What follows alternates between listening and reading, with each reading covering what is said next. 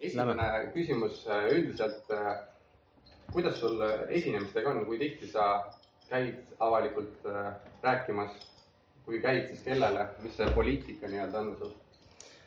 otseselt sellist poliitikat ei ole, ütlen ausalt, sellises saalis ja, ja sellisele investeerimisklubile esinemine on mul niikuinii esimest korda, ma ei ole vist ühelgi investeerimisklubil kuskil esinenud. et kui minu esinemised on, siis need on tavaliselt kas kuskil grilli taga, kellegi peol, äh, pulmas, ma ei tea, ettevõtte peol. homme on näiteks Tartus üks velemenditehas avatakse, siis seal peab grilli taga olema ja siis seal ka paluti, et, et Joel, äkki sa siis räägid, et mida sa täna grillid et sinu küsimusele siis mu vastus ongi lihtne, et, et äh, sellisele publikule ja nii targale publikule ma võib-olla ei olegi esinenud. aga, aga grillida aga ikka või mingil peol tutvustada menüüd, äh, rääkida, rääkidagi menüüst või mingitest asjadest, seda tuleb, äh, ütleme niimoodi, et kuus, üks, kaks korda ette.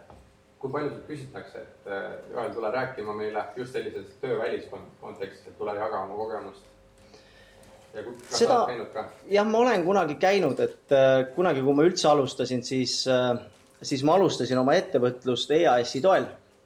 ja siis ma kirjutasin EAS-ile kunagi pidasin ka blogi aasta aega jutti, kirjutasin oma tegemistest, igapäevastest töödest ja toimetustest ja ja siis EAS kasutas mind päris äh, mitmel üritusel nagu ära, et siis tuli nagu käia. praegu on, noh, ma arvan, et aastas üks-kaks korda keegi kutsub ja siis ma viisakalt vastan ei ja ja ei lähe kuhugi tavaliselt. kuidas meil siis nii hästi läks, et sa täna sellele üldse ei kusjuures ma ei teagi, miks teil nii hästi läks. äkki keegi soovitas, et mine nagu sinna rääkima, ma isegi ei mäleta, kes see oli. aga mulle tundub, et meil on ühiseid tuttavaid ah,. mul on hea meel siis igatahes täna Joel siin on. et, et ma tegelikult ka nagu ei käi, sest et, et teie olete siin kõik investeerimisklubi inimesed, mina olen ju tegelikult lihtne kokk. et siis ongi selline nagu noh, väike kartus ka, et no mida ma teile siis räägin, et noh, ma ju igapäevaliselt investeerimisega ei tegele, noh. tegelen ju söögi tegemise ja võib-olla siis ettevõtte juhtimisega, et, et investeerimisest on ju asi ikkagi kaugel. no ma arvan, et rääkida meil on siin rohkem, kui see aeg lubab, aga, aga mis sa üldse arvad sellisest äh, kooskäimisest, et noh, noh kontekstis, et, et meil on siis investeerimisklubi äh,, väikeinvestorid, kes siis enamus käivad palgatööl, panevad natuke kõrvale, investeerivad, et et tulevikus oleks siis äh, raha, mida oleks natuke rohkem. Äh, ja, ja osad on ettevõtjad, äh, teevad oma asju juba, kinnisvara tehakse. Sellistest väikestest klubidest siis, kes tahavad midagi paremini teha ja, ja. enesearengut ja, et mis sa arvad nendest? ma peaks teie käest küsima, mis teie arvate, et, et kui, kuna inimesed vist käivad ikkagi siin päris tihti, mulle tundub, et siis see on nagu tore. et äh, ise ei ole nagu käinud, nagu ma juba ütlesin ka, et me ühtegi mingisugusesse väga väga mingisugusesse sellisesse klubisse ise ei kuulu. Eesti Restoranide Liit, okei okay,, aga see on selline jällegi tööalane asi, et, et aga ma arvan neist hästi, ma arvan, et noh, põhiline küsimus ikkagi teile, et kui teie siit saate midagi ja, ja teil on tore ja jagate üksteisega oma mõtteid, siis see ongi ju põhiline. mis mul siin kiita või laita, et muidugi käige koos. Aga kui nüüd minna rohkem sinu lapsepõlve või alustaks nagu algusest, et inimestel oleks ka, siis saaksid aru, kust sa mhm. tuled ja, mis mees sa selline oled, et siis äh, võib-olla alustame äh, lapsepõlvest äh,, kus sa kasvanud oled kus koolis käinud mis terve kooliteekond oli ja kuidas siis mm -hmm. esimesed sellised tööalast pikk küsimus ka veel. alustame algusest, ma tuletan meelde vahel. et ühesõnaga, ma saan siis selle aasta lõpus, kolmkümmend üks detsember, võite mulle õnne soovida, saan kolmkümmend viis. et siis mõned aastad on elatud äh, sündinud Tartus, elanud siis ka terve elu Tartus, välja arvatud ühe aasta ma olin äh, vahepeal, panin omast arust hääletu peale küll, sorry. Äh, ühe aasta elasin vahepeal Tallinnas, kus ma sain äh, väga toredad kogemused. käisin seitsmendas keskkoolis, mis on siis Karlova gümnaasium täna. seal olin seitsmenda klassini, siis me kolisime perega täiesti teisele poole Emajõge ja siis ma sattusin sellisesse kooli nagu kolmas keskkool, mis on tänaseks vist Raatuse gümnaasium. lõpetasin seal üheksanda klassi ja siis läksin Põllu kooli õppima kokaks. ja, ja, ja et miks ma kokaks õppisin, see oli selline, see oli nagu maast ja madalast millegipärast mul nagu selge, et, et, et, et kelleks ma nagu saada tahan. et äh, alguses võib-olla mulle endale tundus, et must saab kondiiter kuna noorena mul meeldis nagu rohkem torte, kooke ja mingisuguseid maiustusi teha, võib-olla ka sellepärast selline bränd nagu Gustav, aga hiljem tuli välja, et ega ma väga kõva kondiiter ei ole, et pigem tuleb selline kuradi omleti tegemine hästi välja. et ühesõnaga igal juhul ma kokaks läksin õppima, õppima. Äh, suurte üle kivide ja kändude see kool sai lõpetatud, sest ma pean tunnistama, et ma ei ole mingi eliitkoolis käija, mul ei tule see väga hästi välja, et Coca koolis ka käies ja õppides, et ma olen seda lugu ikka kõigile rääkinud ka, et, et seal tuleb käia praktikal, et omandada siis nii-öelda neid äh, oskusi ja, ja, ja minu praktikakoht osutus mulle nii edukaks, et ma sain sinna suveks tööle. esialgu küll nõudepesijana töötasin ennast juba seal ülesse siis äh, abikokaks, siis kokaks ja siis pakuti mulle tööd kolmandal kursusel, kui ma läksin kolmandale kursusele äh,. Siis oli juba, et ma olingi siis juba kokk ja, ja siis, siis juhtus selline asi, et, et see tööl käimine hakkas juba kooli segama või siis vastupidi, kool hakkas tööd segama, ma ei tea. mis koht see esimene oli? Äh, see oligi äh, Parklai hotell. et äh, kui ma läksin Coca kooli, see oli üheksakümne üheksandal aastal, kaks tuhat ma läksin esimest korda praktikale. et see oli tollel ajal nagu päris hea tasemega koht, seal tehti Tartu mõistes ikkagi a la carte'i ja selles suhtes nagu sellist restorani taset. et tänaseks on ta natukene ära amortiseerunud ja seal on vahepeal vist, ma ei tea, viis korda erinevad restoranid olnud, et tänaseks on seal äh, restoran ülikool.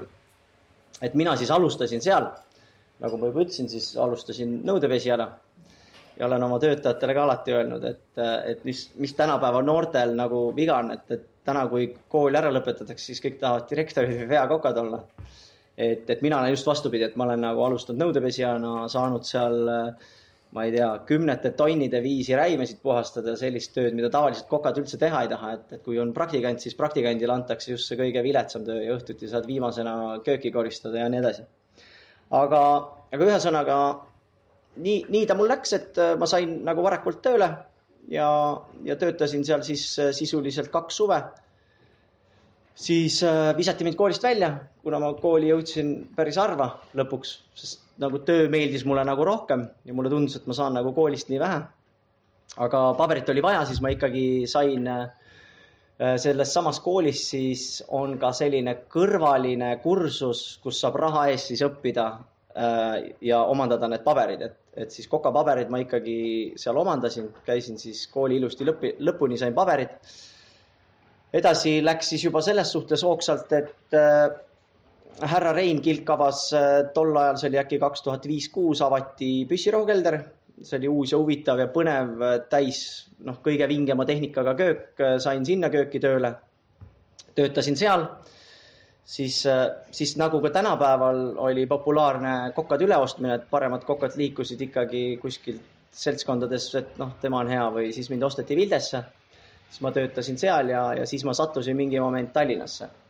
ja, ja minu õemees kunagi tegeles ka, noh, mitte enam ta ei ole mul õemees, aga tol ajal tegeles ka toitlustusega ja hakkas käima tõmbama ühte, ühte sellist uut, uut äri. täna noh, ütleme, et ta tahtis võtta siis selle Subway kontseptsiooni, mis on vist Ameerikast pärit ja, ja, ja täna juba ka Eestis igal pool.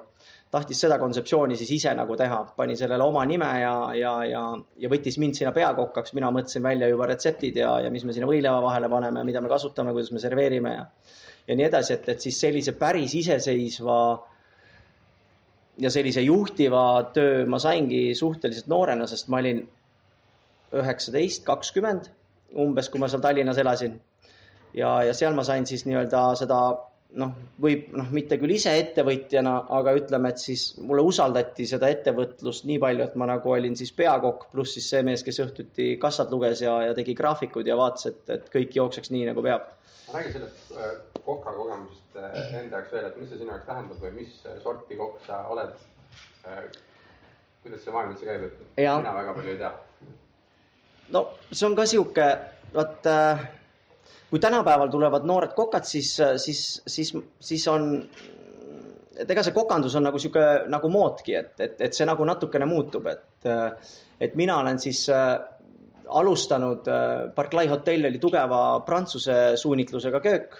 Prantsuse köök on siis selline, kus tehakse väga palju kõike nullist äh, ja, ja, ja küpsetamisprotsessid on pikad ja selline väga põhjalik ja pika ajalooga köök on prantsuse köök, et, et ma alustasin nagu võiks öelda isegi, et kõige raskemast köögist. Prantsuse köök võrreldes näiteks Itaalia köögiga, mis on ju kergelt lihtsalt salatid, pasta ja, ja, ja toit valmib hästi ruttu, et itaallased ei kuluta väga palju aega toidu valmistamiseks, aga nende lõunasöögid on hästi pikad, siis prantslastel on äh, prantslastel on ka, ütleme, lõuna ja õhtusöögid pikad, aga nad kulutavad tohutult aega, et, et ühte rooga valmis teha, et selle mingi küpsetamine, neil on hästi palju küpsetisi ja neil on hästi palju sihuke nihkerdamist ja nii edasi, et, et, et tänaseks võib-olla, siis ma olen saanud, eks ju, seda pubi poolt, mis oli püssirohukeldris selgelt. ja siis võib ka öelda, et, et ka enne oma esimest ettevõtlust sain ka siis nii-öelda sellist fast food'i ehk siis Äh, võileivad, äh, paguetid, mis on ära täidetud erinevate asjadega, nii nagu saab peigil. et äh, eks ma olengi siis selline mees, kes, kes, kes ise võib-olla täna kaldun tegema pigem kiireid, lihtsaid ja loogilisi toite, et mitte vigurdada toorainega nii palju aga, aga võib öelda, et ma olen ka selle vigurdamise nagu läbi elanud, et, et, et, et nagu ma ütlesin, et nagu moodki, et vahepeal olid, kindlasti olete tähele pannud, et mingi, mingitel aastatel laoti kõik asjad hästi torni köökides ja kõik olid kuhjadesse pandud, siis mingil ajal tehti täppe ja, ja et ega see toidumaailm muutub päris kiiresti. siin on üks küsimus ka Anna-Liisalt, võib-olla võtame selle vahele no.. esimene küsimus, kolm laiki ka no.. kas Joel head tulemust! kas teeb ise ka mõnes restoranis süüa vahel hetkel? Ja Joel teeb äh, mitte igapäevaliselt, äh, et täna ma äh,, ma ei tea, kas me jõudsime sinnani, et, et et mul on neid restorane ja, ja toitlustusasutusi nagu erinevaid, et ma olen kõikides köökides alati süüa teinud, ma olen kõikides köökides menüüsid teinud, ma olen, ma olen nagu neid asju nagu alguses, kui ma uue koha teen, siis ma ise suhteliselt üksi või siis on juba mul tiim paigas, kellega me paneme paika konkreetse kontseptsiooni, et kas see on siis liharestoran, on see siis õllebaar või, või mida me seal nagu pakume.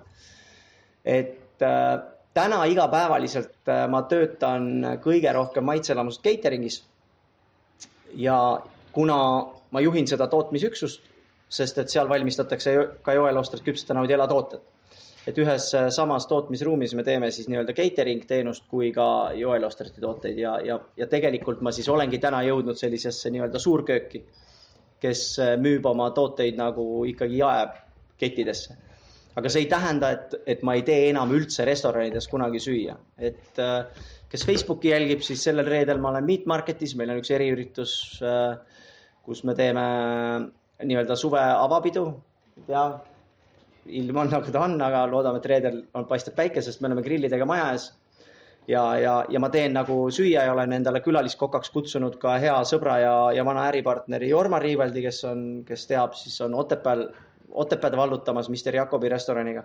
tuleb külla ja me teeme sellist tänavatoitu. siis ka... kui siis inimesed äh, tahavad tulla, et siis pigem peaks silma peal hoidma, mis sa parasjagu teed ja sa annad sellest kuskil teada ma arvan ikkagi, et jah, kõige loogilisem on, et, et eks ta ikka Facebook ja Instagram on need populaarsemad kohad, kus me reklaamime, et me ei osta sellisele üritusele minu teada reklaami, aga hullu teha mm. -hmm. meil on tänaseks tööle võetud mingi turundusinimene, ma ei tea, kuhu ta oma eelarvet kulutab, aga ma ei usu, et me täna Postimehes või kuskil reklaamime sellist eriüritust, et ikkagi Facebook ja, ja, ja meil on oma nii-öelda fännid, meil on ka selline noh, ma ei taha öelda spämm, aga, aga kiri, mis läheb mingisugusele tuhandele kogu aeg laiali ja nad teavad ja ja vähemalt ma tean, et reedesel üritusel on kuussada on huvitatud ja, ja umbes kümme protsenti neist on kindlasti kohal ja, ja nii see käib, noh. nii see käib jah ja. ja.. võib-olla kui me tagasi tuleme siis selle äh, töökogemuse peale, siis äh, said äh, selles võileiva kontseptsiooniga baaris, siis said teha ise, ise nii-öelda menüüd ja ju, jah, juhtida natuke, jah. ja, ja mis edasi sai, et siis kas sellest kohast tuligi selline ettevõtlusfisik nagu rohkem pihta? jah, sealt tuli võib-olla see julgus, et, äh, et ma elasin tol ajal ka sellist elu, et, et äh, tolleaegse elukaaslasega, siis tema elas Tartus, mina siis nii-öelda poole kohaga Tallinnas, seda Tallinna-Tartu maanteed ma olen nagu oma elu jooksul sõitnud nagu mingi megakoguseid läbi et siis oligi, et esmaspäeval ma läksin, siis ma korraks vahepeal tulin kolmapäeval koju, siis panin neljapäeva hommikul uuesti, siis jälle reedeni olin ära, et ma olin nagu ikkagi terve aeg nagu enamus ajast olin nagu Tallinnas. ja siis, kui sa aasta aega oled sellist tööd teinud, siis tahes või tahtmata need äh, mõtted liiguvad selles suunas, et ma peaks Tartusse tagasi tulema, sest vastasel juhul ma oleksin poissmees. noh, vähemalt tol momendil tundus nii ja, ja, ja tema vanemad olid väga toetavad ja, ja ma olin sealt saanud enesekindlust ja tema isa tegeleb ettevõtlusega tänini. väga tubli, äge härrasmees ja, ja, ja eks tema ka nägi, et Joel on nagu seal Tallinnas midagi nagu, midagi nagu saanud ja, ja eks, eks saunas oli meil ka juttu, et midagi võiks ju kunagi teha, et, et kuna ma olen ju toitlustuse taustaga, siis, siis võiks äkki olla toitlustus. kuigi, kuigi mäletad, ma enne rääkisin sulle, et millegipärast ähm, ma käisin Tartu ärinõuandlana olemas, eks ju, endiselt ma loodan, et olen käinud seal siis nii-öelda nõu saamas. seal oli väga tore naisterahvas Rita Tamm tollel ajal et seal olid mingid korrad sai nagu käia tasuta kuulamas ja, ja, ja oma ideed sai seal lauale visata ja siis ta suunas ja ütles, kuhu minema peab ja mida tegema peab. ja igal juhul ma olin kindel, et minu esimene äri on hoopis autopesula. Et tol ajal avati Lõunakeskuse, Lõunakeskus ehitati ja, ja siis mulle tundus, et, et seal võiks autopesul olla. Siis me uurisime seda ja, ja Rita suunas ja, ja, ja nii edasi. ja tolle aja kõrval ma käisin veel küll Tallinnas tööl, et ma käisin juba nagu paralleelselt natukene siis nii-öelda uurimas ja maad noh, nii-öelda kompamas, et, et kuidas seda oma nii-öelda ettevõtlust saab teha ja, ja, ja mis võimalused on olemas, et, et äkki see oligi kaks tuhat ju, kui hakkas hästi tihedalt ka EAS ju siia tulema, ma päris täpselt ei mäleta seda EAS-i algust, aga vähemalt kaks tuhat viis, kuus, kui mina alustasin siis olid need nii-öelda, see starditoetus oli küll saadaval.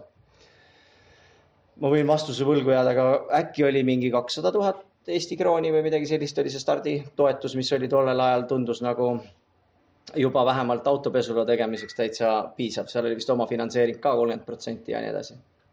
aga ma ei mäleta, kuidas see juhtus, aga igal juhul äh, ärinõuandla andis mulle mõista, et see autopesula ei ole üldse sulle, et tee ikka mingit toitlustusasja et äh, eks me olime ju teinud erinevaid tabeleid ja, ja vaadanud, äh, palju peab käima kliente ja, ja loomulikult oli turu-uuring tehtud ja nii edasi ja nii edasi ja nii edasi, et siis tundus, et äh, Tartu võiks hoopis vajada mingit ägedat toitlustust. siis sa jõudsid selle trofee kohvikuni, restoranini?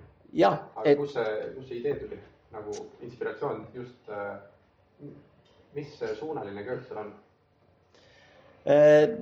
julgen öelda Vahemere köök Äh, kus siis ongi Itaalia, väga tugevad Itaalia sugemed ja, ja Prantsuse köök. et alguses oli ta kohe kindlasti rohkem nagu Prantsuse köök ja, ja, ja ta on läinud nagu aastatega natukene rohkem võib-olla selliseks Itaalia köögiks, kus me täna teeme, võiks öelda siis ka natukene niisugust Skandinaavia pärast värki.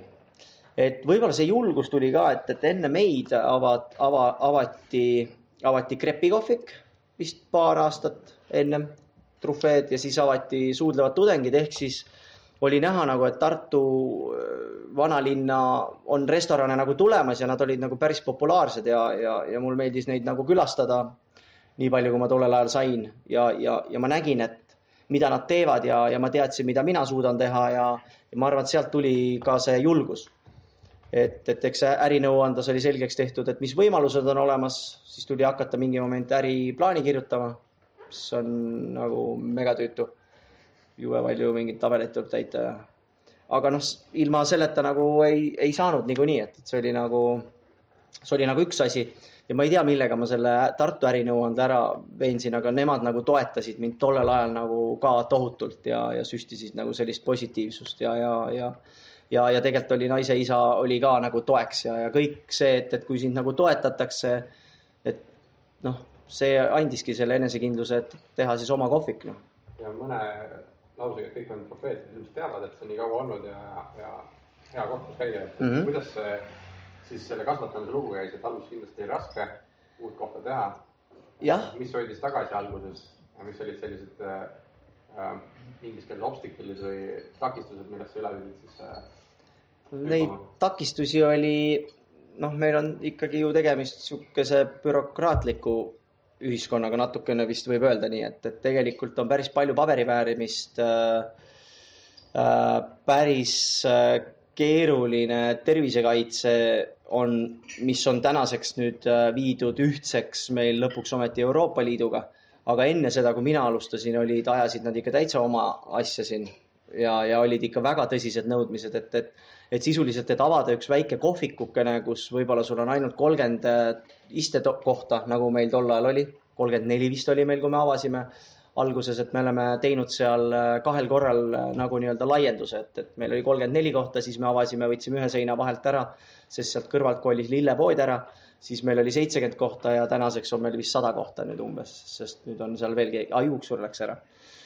Et, äh, et seda bürokraatiat oli päris palju, päris palju dokumente äh, tuli igale poole viia ja, ja, ja mis oli nagu arusaamatu, kui sa sellist asja ilma ühegi nagu selles suhtes kogemusega teed, siis sind saadeti nagu ühest kabinetist teise kabinetti ja seda jooksutamist oli päris palju, et seal oli selliseid päevi küll, kus mõtlesid, et kuule ma lähen selle palgatööga edasi, et ei, ei, ei tasu nagu jännata, et liiga keeruline. selline tunne oli, et nagu kõik võitleks selle asja vastu.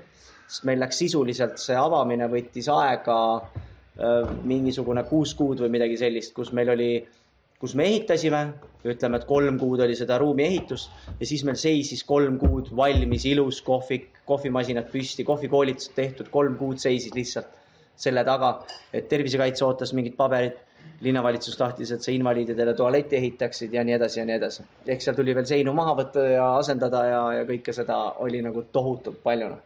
kui pikalt läks aega, et see siis nii-öelda käima läks, äh,?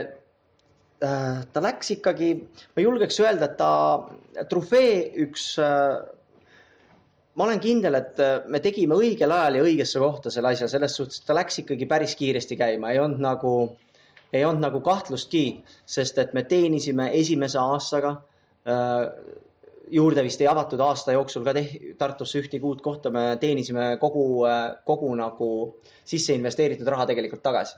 Ehk see, mis sai äialt võetud laenuks, selle ma sain talle ilusti aasta pärast tagasi anda. noh, me saime veel EAS-ilt muidugi laenu ja, ja, ja on loomulikult olemas alkoholifirmad, kes toetavad ja, ja, ja võib-olla kohvifirmad ja, ja seal on eri ei pidanud jah, EAS käis muidugi viis aastat, äh, seal on, äh, paned igale asjale kleepeka peale ja siis käivad vaatamas, kas see on ikka alles ja kuidas teil läheb ja et ega see maha pole müünud ja noh, selline asi seal käib, aga. Ja kuidas siis äh, ühe juurest kahe juurde jõuda?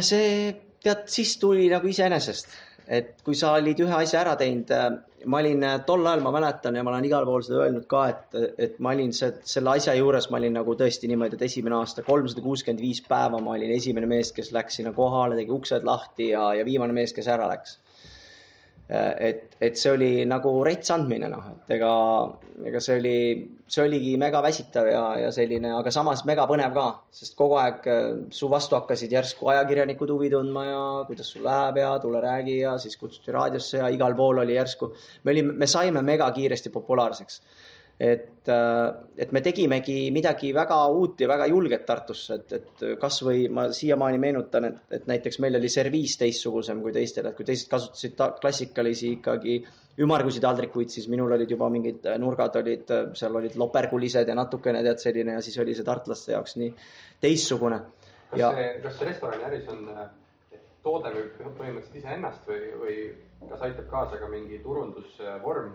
Või pigem on äh, selline sõbrad sõbrale soovitus? no mina julgen küll öelda, et see sõbrad sõbrale suust suhu reklaam on kindlasti toitlustuse puhul üks kõige kindlamaid ja kõige usaldusväärsemaid. Äh, täna ei saa kohe kindlasti võrrelda seda kaksteist aastat tagasi toimunud asjaga, sest et äh, ma ütlen ausalt, et tol ajal ei olnud nagu konkurentsi ka. et okei okay,, siis avati võib-olla Äh, aasta pärast midagi uut, siis jälle aasta pärast midagi uut, siis, siis täna on ju olukord selline, et meil avatakse, me ei räägi ühest väiksest kolmekümne nelja kohalisest kohvikust, vaid meil ehitatakse lihtsalt aasta jooksul kolm hotelli või kaks kaubanduskeskust, et lihtsalt mahud ja, ja kogu see olukord on täna täiesti teine. et ma võin öelda, et ma sisenesin suhteliselt äh, konkurentsivaesesse nagu turgu ja, ja, ja, ja me tegime seda ka hästi, me olime nagu tublid ja, ja, ja nii sa, noh, sa küsisid, kuidas siis tuli teine, automaatselt tuleb, noh. täna tuleb, äh, ma arvan, et kui sa küsid, et mitu korda sulle helistatakse, kutsutakse esinema, siis võib-olla ainult üks ja kaks korda aastas. aga uusi rendipindasid pakutakse, ma ei valeta, kui ma ütlen, kas iga nädal, kui vähemalt kaks-kolm korda kuus. et täna on lihtsalt see, see, see tempo on läinud nii kiireks ja see asi käib lihtsalt nagu hoopis teistel pööretel. et, et see. see iseenesest tulemine, et, et selleks on ikkagi vaja mingit kontseptsiooni ja mingit ideed, et kust, võib-olla see küsimus, et kust sa neid uusi ideid saad millest sa, mille, millega sa erined siis massist või teistest inimestest. sest et kui, kui äh, aus olla või kui tartlased käivad siis väljas söömas, siis äh, neljal äh, juhul viiest nad satuvad ühesse sinu restorani, et, kuidas siis leida selliseid ideid, mis äh, hakkavad müüma. ja no, kus inimesed tahavad käia. ja äh, eks ta lähebki järjest, äh, ta lähebki järjest keerulisemaks, mina, ma julgen öelda, et turg on äh, suhteliselt täis toitlustuse mõistes on praegu ikkagi päris, päris nagu tihe see olukord, isegi liiga tihe. Äh, aga eelnevad projektid on siis, on siis tulnud, ongi, kas siis ütleme niimoodi, et näiteks Meat Market sündis puhtalt, ma käisin kunagi Ameerikas Miami's ja siis ma nägin seal sellist kontseptsiooni.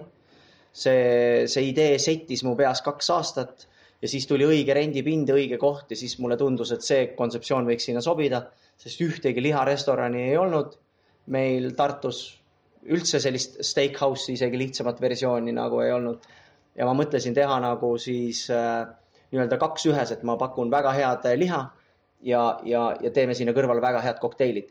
sest see, mida ma nägin nagu, nagu seal Ameerikas, siis seal oligi väga lahe nagu kokteilibaar.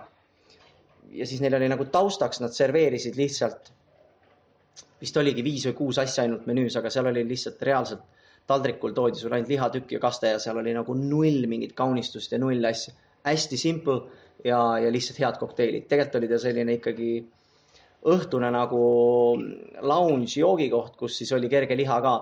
me natukene siis tegime ta nagu rohkem nagu steakhouse'iks ja nüüd, nüüd on sinna juurde kasvanud nagu ütleme, me julgeme isegi öelda ja meid me julgeme nimetada, et me oleme Eesti parim kokteilbaar, sest meie juures töötab äh, parim kokteilimeister, kes on kaks aastat järjest käinud Eestit esindamas erinevatel kontinentidel, nüüd Austraalias ja, ja viimane kord ta oli ka vist Miami's, jah. väga hea soo.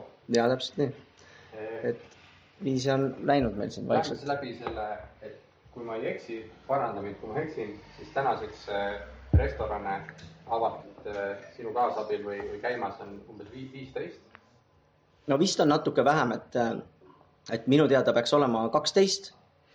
võime, võime need siin kambakesi üle lugeda.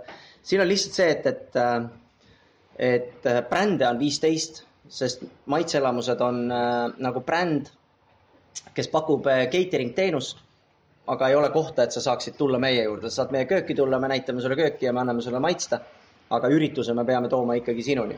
kaksteist tükki, aga võib-olla käime läbi, et milline see, kuidas need järjekorras siis äh kui ma nüüd ise sassi ajan, et ega siin on igasuguseid asju. teised parandavad. ja, et alustasime, eks ju, trufeega. Äh, siis sündis Werneri kohvik. Peale Wernerit oli Cookbook. Peale Cookbooki minu teada tuligi Meat Market. siis tuli Rahva Resto, mis on Turu tänaval. siis tuli vahepeal õllebaar Keller siis tuli Meat Market kokteilbaar. noh, me kutsume neid nagu, tegelikult on nad üks nagu maja, üks köök, aga, aga nagu kaks brändi, võib öelda.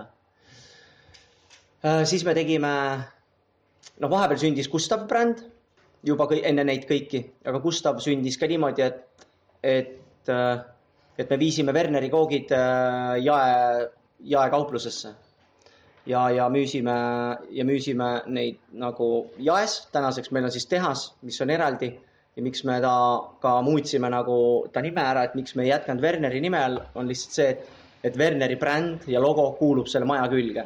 et, et see on nagu, me patenteerisime selle ära, aga lõpuks me pidime selle patendi andma ikkagi maja omanikule, sest see on ära tõestatud, et ta ostis selle, et ma ei saa ja meil ei ole õigust viia Werneri brändi ega see asja nagu sellest majast eemale. Ehk siis me tegime täitsa eraldi brändi, milleks on Gustav. Gustav siis on üks Tartu Ülikooli asutajatest, mõtlesime, et võiks olla tore nimi. Äh, siis on meil Umbroht restoran, siis on selline hooajaline äri, milleks on Väike Kuuba, on Mojito baar, sisuliselt me pakumegi ainult ühte toodet, milleks on Mojito, aga lihtsalt vist kuus või seitset erinevat maitset. mango tšilli mojitot, klassikalist mojitot arbuusiga ja kurgiga. seal kõrvale me pakume ka väikseid snäkke, aga see sisuliselt on ikkagi hooaja äri, see on siis Atlantisest üle tee, on selline üle jõe. üle jõe, üle tee, üle jõe, jah, jõe, jah, veetee. ja sinna kõrvale on vist no sinna kõrvale on nüüd tulnud mitu väikest kioskit. Äh, jään nimed võlgu, aga need ei ole minuga jällegi seotud.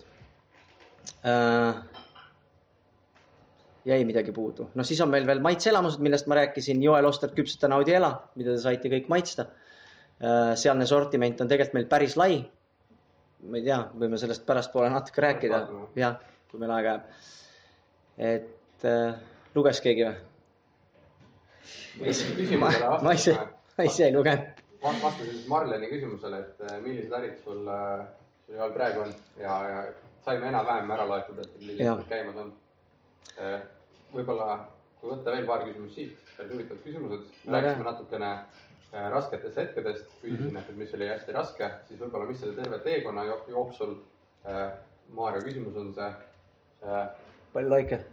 üks laik no võtame ära ikkagi, võtame vahele, et kas on olnud raskeid hetki, et enam ei jõua, ei taha ja mis motiveerib siis sellel hetkel edasi minema?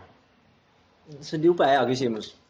ma ütlen ausalt, täna on meil teisipäev, mul on täna ka mott jumala maas. et, et äh, kui sul on ikkagi olnud raske nädalavahetus ja on, on tagasilööke ja asju siis, siis äh, ei, noh, tagasilööke on, aga kõige raskemad hetked, no näiteks Werneriga oli meil äh, oli krooni ajal, oli lihtsalt selline asi, et meil ei läinud see ettevõte käima, et me ei, me ei, meil oli, selleks ajaks oli mul äh, ka selliseid kõrvalisi ärisid veel, et äh, ma olen vahepeal Tartu Kaubamajas pidanud äh, Da Vinci Gelato kohvikut, mis on täiesti jällegi kolmandate äripartneritega ja siis meil oli vahepeal selline klubi, kellele meeldiks Johnny Depp ja millest sai vahepeal Glam, siis ma olen Yum-Yum'i teinud ja kui, kui neid asju oli mingi moment erinevate äripartneritega ja hästi palju erinevaid ja, ja, ja seal, seal tekivad nagu sellised lahkhelid, et, et sa pead leidma endale väga head äripartnerid. ja, ja sa pead nagu nendega nagu õiget asja ajama, siis, siis ma arvan, et see oligi vast mingi kuus aastat tagasi, oli, oli küll selliseid momente, kus, kus tuli asju kinni panna ja siis Werner oli üks äri, mis oli ikkagi väga noh, sihuke oluline äri meil ja, ja, ja seal oli samamoodi seis enne, enne majanduslangust, mis oli siis kaks tuhat kaheksa, oli meil vist maksuvõlg suurusjärk nelisada tuhat Eesti krooni, pluss ülejäänud pudinad juurde, see oli kuskil kuussada tuhat oli meil võlgnevust. siis sel ajal lasti mega palju ettevõtteid lihtsalt nagu põhja ja alustati uuesti ja, ja nii edasi ja me lihtsalt pusisime ja meil olid, käisid juba erinevad mõtted läbi, et, et me olime nagu sisuliselt käega löömas sest meile tundus, et see, see, see, see ei lähe seal kunagi käima. ja, aga meil olid koogid head. noh, õie on meil ikkagi imeline kondiiter, kes on siiamaani, me oleme kümme aastat seda asja koos teinud. et äh, me uskusime sellesse ja, ja siis ma mingil, ma ei tea, mis, mis aine mõju all võtsin mingid koogid ja läksin lihtsalt Tartu Kaubamaja toiduosakonda, ütlesin, et mul on koogid, kas te tahate neid kooke müüa? proovisid ära, ütlesid, väga head koogid on, too esmaspäeval aga siis tekkisid sellised raskused, et noh, esiteks sa pead hakkama majast välja tootma, selleks on jällegi laborikatsed, EAN koodid, millest ma tollel ajal ei teadnud mitte midagi. jällegi hunnik pabereid täita, sul peab olema logistika, mingi transport. meie esimesed tellimused olidki sisuliselt niimoodi, et töötajad ise viisid, jooksid kaubamaja, viisid neid koogikesi. mingi moment ütles kaubamaja, et kuule, et Tallinna bossid kuulsid, et sul on head koogid, nad tahavad nüüd Tallinnasse ka. ja siis see niimoodi läks et kui teistel oli nagu majanduslangus, siis meie saime just nagu hoo ülesse. ja ma arvan, et see oli kusagil selline aasta-kahe aasta projekt, kus me tulime kõikidest oma võlgadest välja. siis tuli juba juurde Stockmann, siis tulid juba järjest kauplused, siis me olime mingi kuue kauplusega, tegime seda päris pikalt ja siis tulid juba ketid. kui tulid ketid, tuli näiteks üks Selver siis Selver võttis juba jär-, kümnesse Selverisse ja isegi kui sa kümnesse Selverisse müüd ühte Selverist näiteks kümme kooki, siis on juba sada kooki kokku. see tekitab mahu, siis on see äri põnev. ja, ja, ja, ja ma arvan, et see kookide nii-öelda näpuotsas poodi viimine päästis tookord, ma arvan, selle olukorra. loomulikult meil oli ära jagatud ka tol ajal, aga noh, ma võin öelda, et ma olen ikkagi väga loll ja väga noor olnud, me oleme ikka mega palju väikseid vigu teinud ja, ja ja, ja, ja, ja me oleme ka läinud äri tehes ka ülbeks, noh näiteks väga keeruline olukord oli see, et me arvasime, et, et keegi ei saa selle Volgaga hakkama, me arvasime, meie saame, miks siis ei ole võimalik. et kõik ülejäänud ärid töötajad võtsime Volga kunagi endale pidada. ja siis sellega samamoodi, et me matsime sinna tohutult raha, me tegime sinna mega sisekujunduse, megad investeeringud. ja, ja me saime poole aastaga aru, et see läheb, et sellega nagu pikka pidu ei ole noh siin oligi üks küsimus selle kohta, et äh, ma kohe vaatan, kus ma ju-. nii, Marlini küsimus jälle, üks slaid et kui kaua sul uue projekti käimatõmbamisele, kui palju sa pühendad aega uue projekti käimatõmbamisele ja, ja mis hetkel äh, sa vaatad, et, et seda ei ole mõtet teha mm? -hmm. ja, ja kuidas, kui kaua sul läheb aega, et uus idee leida? see ei ole päris ma modifitseerisin seda teist poolt, aga ma võtan selle teise poole ka järgi see ei ole see, et ta maha matab, vaid et kui nad, kas nad iseseisvalt äri? Äh, noh, ütleme jah, et, et leida, leida koht, kuhu sobib mingisugune konkreetne siis kontseptsioon, noh. see teinekord ei võtagi tegelikult, see ei peagi väga palju aega võtma, lihtsalt mingid asjad jooksevad kokku, sa ise tunned ära, ma ei tea ikkagi minul on vähemalt selline sisetunde asi, et, et kas siia tasub teha, ma ei tea, kiirtoidukoht või teeme siia korraliku restorani või, või, või avame siin lihtsalt pubi, et, et, et see kontseptsiooni asi nagu kuidagi sünnib, mõned kontseptsioonid sünnivad äh,, nagu ma ütlesin, näiteks Meat Market, et see oli mitu aastat peas, et see ootas oma aega, oma kohta. küsimuse teine pool oli siis see, et, et kuna ma saan aru, et nagu, et kui nüüd äh, kõik need ärid, mis sa nüüd jõudsid nagu äh, ette lugeda ja sinna kõigile panna kolmsada kuuskümmend viis päeva sisse, siis sa ei saaks olla kolmkümmend viis. et äh, mis see tsükkel on nagu uue äri, äri käima tõmbamisel, kuhu sa. see läheb. sa paned oma täislaks energia ja tähelepanu ja, ja noh, ja üks hetk sa lased tast lahti, kas ta iseseisvub ja, ja, ja. ja kui suur see pikk, see käimatõmbamisperiood on, et nagu, et sa saad tast käed lahti tõsta ja midagi muud hakata looma need on eh, selles suhtes ju täiesti, eh, iga maja on erinev, noh, et, et, et Gustav Castro, mis on siis Tartu Kaubamaja esimesel korrusel, seda ma avasin niimoodi, et ma läksin põlveoperatsioonile ja siis ma olin kaks kuud karkudel. ma olin kodus, mul ei olnud mitte midagi teha. ma kirjutasin kusjuures raamatu andsin selle välja kahe kuuga ja samal ajal tegin Gustav Castro kontseptsiooni, sest ma olin kodus, mul oli igav ja siis nad kõik käisid minu juures, me tegime koosolekuid ja, ja see pind oli meil käes, aga me ei teadnud, mida me sinna teeme, me mõtlesime, me teeme sinna tavalise Gustavi. koogid, kohvi nagu Werner.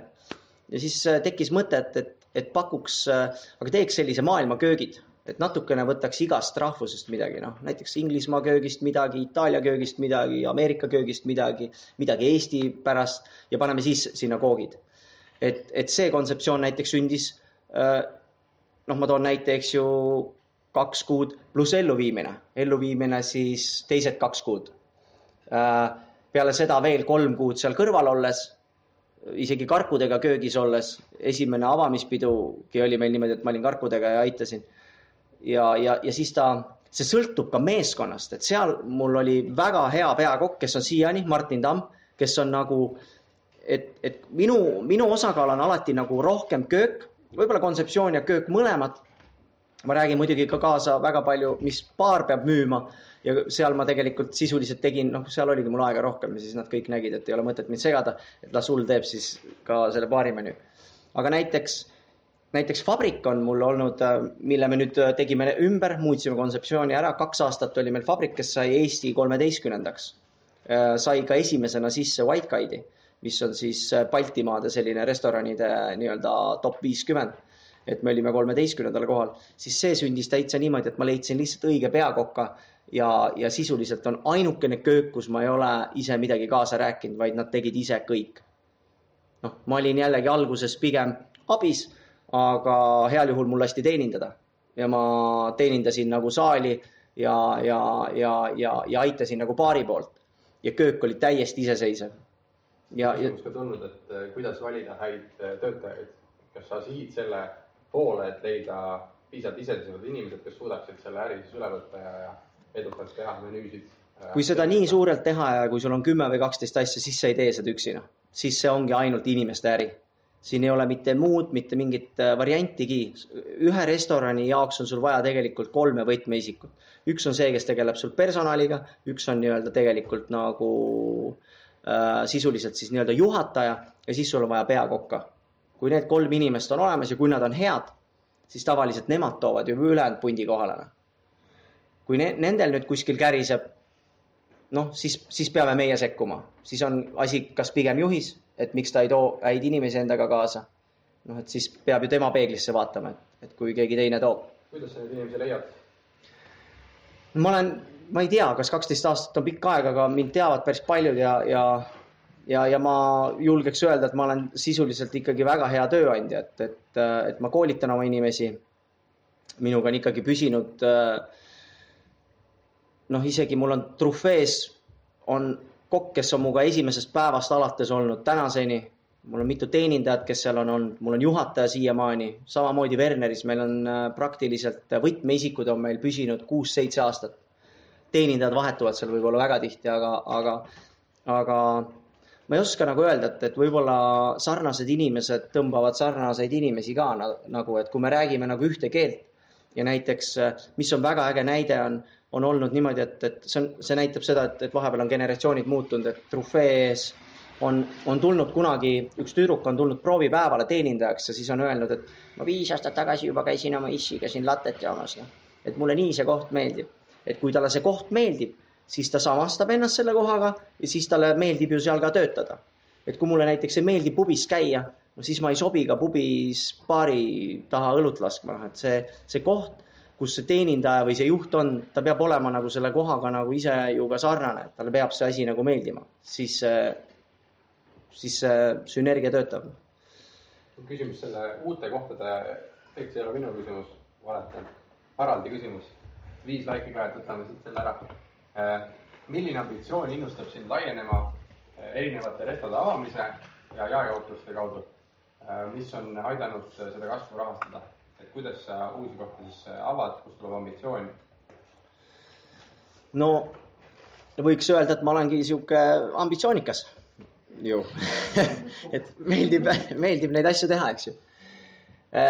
Selle rahastusega on niimoodi, et algus on, on keeruline, kui sul on ikkagi mingid äh, kohad olemas ja sul on mingi teatud rahavoog, siis sind usaldavad selgelt ka pangad poole rohkem ja, ja tegelikult äh, mina olen alustanud niimoodi, et ma olen, ma olen müünud oma ideid maha oma sõpradele ja minu sõpradest on saanud äripartnerid ja, ja, ja nende, nendest neljaga ma sisuliselt olengi täna nagu koos ja, ja teemegi seda asja. Nemad on uskunud sellesse ärisse, pannud sinna ise raha, hiljem, kui me oleme laienenud, oleme me koos võtnud kas laenu või oleme seda teinud puhtatest rahavoogudest, mis, mis lihtsalt tuleb et see sõltub nüüd. et kui me lugesime üles vist siis need kaksteist või viisteist kohta, siis, siis mul ongi niimoodi, et mul on üks äripartner Ale, Alena Oja, kellega mul on Trufee, Meat Market ja Rahvaresto. ja, ja, ja me teame temaga koos, et kui me koos midagi teeme, siis ma tean, millise kontseptsiooniga ma juba tema jutule lähen ja millise kontseptsiooni jutuga ma lähen näiteks Rivo või Siimu juurde, kellega me teeme siis Gustavit, Joel Ostrat, Küpsete Naudi Ela ja Wernerit ja, ja siis mul on Niina, kellega ma teen cookbook'i ja tema on väga rahul ja tema ei taha praegu midagi teha et selles suhtes me oleme temaga kaheksa aastat äh, nagu cookbook'i teinud äh,. ja, ja ta on äh, esimesest päevast olnud seal äh, kõik see aeg juhataja. mina olen kõik kaheksa aastat teinud nagu menüü. meil on väga ära jagatud, kes mida teeb ja mind vajataksegi seal sisuliselt ainult kaks korda aastas. kevadel lähen teen menüü, olen kaks nädalat köögis. sügisel lähen teen talvemenüü, olen kaks nädalat köögis ülejäänud aegadel me joome listkohvi ja räägime, kuidas läheb. et, et, et sõltub nagu, nagu äripartneritest, et, et ma olen ära nagu lubanud ennast äh, nagu teatud brändidega rohkem tegelema ja mingite viimaste projektidega ja ma tegelengi nendega. aga ma käin ja üritan nagu toetada nagu ka kõiki kohti. aga, aga noh, teatud kohad saavad mind rohkem. Läksin vist nüüd sellest küsimusest jumala eemale äh, aga. ei, ma arvan, et ma arvan, et vastas ära väga hästi, ilusti ära kattis ära. ambitsioon oli muidugi selline nagu ülevaatlik lause, et lihtsalt. ja, jah, aga siin noh, aga mis või mis te veel arvate või? ma mõtlesin, et võib-olla ma küsin niimoodi, et mis, mis on sinu see X-faktor nii-öelda, et kuidas teha siis viisteist äh, brändi või kolm, kaksteist söögikohta, mis kõik saavad, noh, Ahne, Ahne Raibe, ma ei tea, ma ei oska nagu öelda, mul ei, no see on hea küsimus, ma ei tea. Raivo Hein eile ütles, et, et, et siis saab ettevõtjana edukaks kolme, kolme pidi. esimene on, kui sa oled ahne, teine, kui sa jubedalt äh, oled põhjas ära käinud ja sa pead midagi tegema hakkama ja kolmas, sa, keegi sunnib.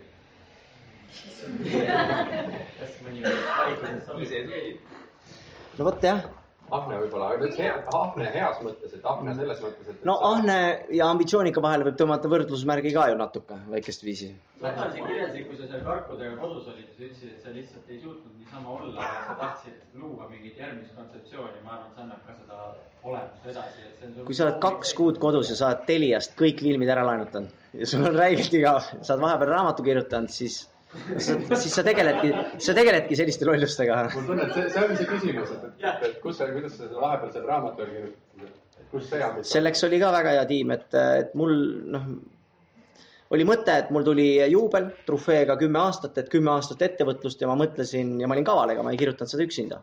ma kaasasin sellesse raamatusse seitse või kaheksa endale olulist inimest, et, et kõik, kes minuga on nagu koos äri ajanud ja kes on vähegi kokad ja head sõbrad lasin nei-, äh, kirjutasin ise neist nagu loo ja nende töö oli sinna panna siis neli-viis retsepti. ise täitsin raamatu lõpu ära osade oma retseptidega, aga sisuliselt ütleme niimoodi, et viiskümmend protsenti raamatust tegid ju nemad. mina kirjutasin lihtsalt selle loo, mingi lõbusa loo. raamatu pealkiri on ka Joel Ostrite Superbandiidid. ehk siis kõik need inimesed on minu jaoks nagu superägedad inimesed ja, ja me oleme nendega koos ägedaid asju teinud ja, ja mul oli väga hea tekstide kirjutaja Rein Pakk, kes kirjutas mu lohaka teksti, korrigeeris heaks ja, ja, ja pani selle teie jaoks loetavaks tegelikult ka noh. ja fotograafiga tegime pildid ja, ja nii see paarsada lehekülge, mis ta siis teha äh, võib-olla küsimus äh, natuke mõttemaailma kohta, aga enne seda küsimus äh, alustamise kohta, et kui siin on, kui siin on inimesi, kes mõtlevad siis restoranide avamise peale natuke konkurentsi juurde pakkuda, siis mis on sellised kolm asja, kui sa oskad tuua punktidena välja, mida võiks, peab tähele panema, kui restorani mm. avamist, restorani avada tahad? no mina ütlen, et restorani avamise puhul on ikkagi kõige oluline see, et, et see, see võtmeisik või su äripartner või sa ise peaks oskama minu arust süüa teha no.. et minu arust on see kõige olulisem, sa võid seda head sööki lasta nagu super hea teenindusel ette kanda, aga, aga noh, need, seal on nagu mingid noh see, see toit peab olema ikkagi hea, noh. et sellepärast on nagu arusaamatu, kui avatakse restorane, neil puudub nagu toitlustustaust. ja siis ta räägib nagu nii õnnelikult, kuidas ta naine oskab nii hästi süüa teha ja kõik sõbrad alati nädalavahetusteti kiidavad seda sööki ja, ja siis nad avavad oma restorani ja kaks kuud hiljem siis sõbrad enam ei käi, noh. keegi ei taha, varem nad said ju tasuta seda süüa sinu juures, kui see naine tegi. nüüd nad peavad ju maksma. et, et see ei ole, see ei ole üldse nii lilleline äri, noh et, äh, et, et see on tegelikult päris süüa teha, ma arvan, ma arvan, et see on oluline, söögi tegemine. sa pead tabama ka nagu seda turgu, noh, et äh, miks ma ei ole nagu väga trüginud Tallinnasse. ja, ja, ja ma ei ole teinud restorane Viljandisse või, või, või ma ei tea, Rakvere, sest ma ei tea neid inimesi, kes seal elavad, aga Tartuga ma olen ikka suhteliselt hästi kursis turuga võib korraks vahele küsida, et kui sul on kaksteist restot ühel pisikesel Tartu turul, et teoorias nad hakkavad ju omavahel mingi hetk konkureerima. see on umbes sama tunne nagu, ma ei tea, kui tanklaid tehakse ühte linna lähestikku kolm tükki sama firma omad, et siis see klient ikkagi mm -hmm. vaatab, ma lihtsalt täna lähen noh, kas siis teise tema omasse, et kas on mõnes mõttes või sa oled neid eristanud nii, et need on nii erinevad inimesed? Äh, ja äh, selles suhtes, et äh ma olen äh, lähtunud ka päris alguses, ma mõtlesin väga konkreetselt nii, ma olingi noor ja võib-olla vihane ja kuri. et äh, ma lihtsalt vaatasin, et kui mina ei tee, teeb keegi teine. et pigem ma teen ise, siis ma kontrollin paremini ju turgu. sest kui teevad teised, siis jään mina järjest ju väiksemaks, kui mul on äh, neid ma ei tea, kahe asemel viis või neid on kümme, aga loomulikult ma teie, teen, olen üritanud kogu aeg teha täiesti erinevaid kontseptsioone ka, et ei ole ju kahte liharestorani tehtud, noh kõige lähedasemad asjad võib-olla ongi, et Werner ja Gustav Castro, et ühed ja samad koogid, eks ju. aga kuna Werneris oli kogu aeg järjekord ja see nõudlus on nii suur, siis me ei näinud nagu põhjust, et miks inimene peab sealt linnaosast jalutama, noh, mis linnaosast, okei okay,, ühest Raekoja platsi otsast teise. et aga ikkagi noh, et ja, ja, ja tegelikult tuleb tunnistada, et, et see restorani nii-öelda see trend väljas söömas käimine ja, ja üldse, et inimesed käivad väljas söömas ja, ja ärme ära unusta, et, et kui meie enam näiteks ei käi, kas me jääme liiga vanaks, siis sealt altpoolt tuleb kogu aeg värsket generatsiooni ju peale ka. et siis see, see turg ei ole, see turg ei saa ju kunagi sisuliselt otsa. inimene peab sööma kolm korda, neli korda päevas. et, et noh. mis on äh, suur äh, ambitsioon, et Evelini küsimus, kuhu sa tahad jõuda, mis on sinu unistus? jälle hea küsimus hästi panete. ma arvan, et see creme brulee on teile hästi mõjunud. et äh, no mis on su unistus, ma ei tea, ma ei oska öelda, ma, ma olen nagu, ma olen, ma pean tunnistama, et ma olen äh,, ma olen ühest küljest ka töönarkoman ja, ja see mind nagu häirib, et ma teen mega palju nagu tööd ja, ja, ja mu unistus oleks pigem äh,, pigem äh, pigem vanaduspõlve veeta niimoodi, et ma ei peaks seda kõike ise tegema, et ma ei peaks kontrollima, kas nad kärsatavad selle supi täna põhja või nad ei kärsata või et kas teenindaja naeratab või ei naerata. ma ei ole tänaseks seda välja mõelnud, kuidas seda teha. aga ma arvan, et, et miks me oleme viinud äh, päris palju oma toodet äh, kauplustesse, äh, on, on üks põhjus, et lihtsalt tootmine on tegelikult natukene mugavam ja, ja, ja tuleb tunnistada ka kiiremini rikkaks tehev äri kui restorani äri. restoranis sa, sa oled ühe pinna peal, sa teed ühte teatud asja ja, ja, ja sa ei saa oma käivet äh, väga palju ja väga tihti tõsta, sa saad ainult hindasid tõsta, aga sa võid hinnatõusuga kaotada väga palju kliente. sa pead olema kogu aeg nagu turul mingi kindlal positsioonil. jaes on sul, sul võimalused nagu laiemad. esiteks ma saan ühes tootmises toota toodet teeb seda siis, ma ei tea, me alustasime ju, ma ei tea, kuue kondiitriga. tänaseks on meil neid vist äh, seitsekümmend kuus, et, et ühes tootmises me teeme, äh, teeme lihtsalt tervele Eestile. alguses me tegime Tartusse, Tallinnasse, täna me oleme ka saartel, me viime isegi, vist on seal tootmises umbes kokku pluss, äh, pluss kontor. numbrid üle, et kui palju neid töötajaid sinuga samastatakse või sinu kunagi, kunagi ma lugesin üle, ma ei tea, ma jään vastuse võlgu, seda on raske öelda, sest äh, iga päev tuleb inimesi juurde, iga päev läheb ära, aga see suurusjärk on kuskil kolmsada viiskümmend, nelisada inimest. suvel on neid rohkem, sest et meil on terrassid ja me võtame, noh, trufee palkab iga suvi vähemalt viisteist inimest juurde, Meat Market kümme, Werner viis ja, ja ütleme, meil tuleb umbes viiskümmend inimest on suveperioodil rohkem kuna täna Joel Ostrati tootmine kasvab, siis seal on lihtsalt äh, töötajate otsingud on stabiilselt, on kuulutus üleval, vestlused käivad iga päev ja, ja seal me alles näiteks üritame seda asja paika saada. aga ma arvan, et noh, kõige lihtsam on mul öelda, kui me suvepäevi teeme, siis me otsime kohta, kuhu mahuks ära kakssada viiskümmend, kolmsada inimest. sest kui me sinna ära ei mahu, siis me ei saa seal suvepäevi teha. ja, ja kui minna juba sinna, sa puudutasid äh, paaril korral seda catering'i poolt ja, ja nii-öelda jaekaubandust ja sul on bränd, brändi nimi on Küpseta, ela, naudi. küpseta, naudi, ela. küpseta, naudi, ela. siis investeerimisklubi slogan on äh, säästa, investeeri, naudi. et, et kuidas sinul tuli see, need kolm sõna ja, ja miks sa arvad, et kõnetavad hästi inimesi, kes sinu tooteid naudivad mm? -hmm. Äh, noh, kuna valmis, kuna meie sari on puhtalt nagu valmis toit, seda on kodus lihtne teha sisuliselt, äh, et saada väga maitsev valmis pasta või aasiatoit äh, taldrikule, läheb sul kodus selleks, kui sul on hea induktsioonpliit ja korralik äh, pann, üks minut ja kolmkümmend sekundit. sa saad mega hea roa. ehk siis küpseta, inimene peab küpsetama või ta ostab näiteks kiši, sa paned selle ahju, lased soojaks või vormiroa. et siis ja, ja, ja see ülejäänud slogan peabki ju kõlama inimesele, et, et tegelikult on ilgelt chill. naudi, noh, sest peale seda, kui sa oled kiirelt küpsetanud, siis sa naudid, noh ja elama peab niikuinii. et minu arust ongi lihtsalt nagu sihuke väga minulik küpseta naudi ela see oli väga hea, lihtsalt äh, nii sarnane oli, et mõlemal, mõlemal on naudi sees, et. nautima ju peab, et selleks me ju seda kõike vist teeme. me peame enda oma uuendamas, ela peab ka panema, sest elama ju peab. jah sõbrad viskavad vahepeal pulli ja ütlevad, et äh, küpsetanud ei sure, noh, nalja teevad ka, aga noh, tead. seda jah, sloganid ei pane.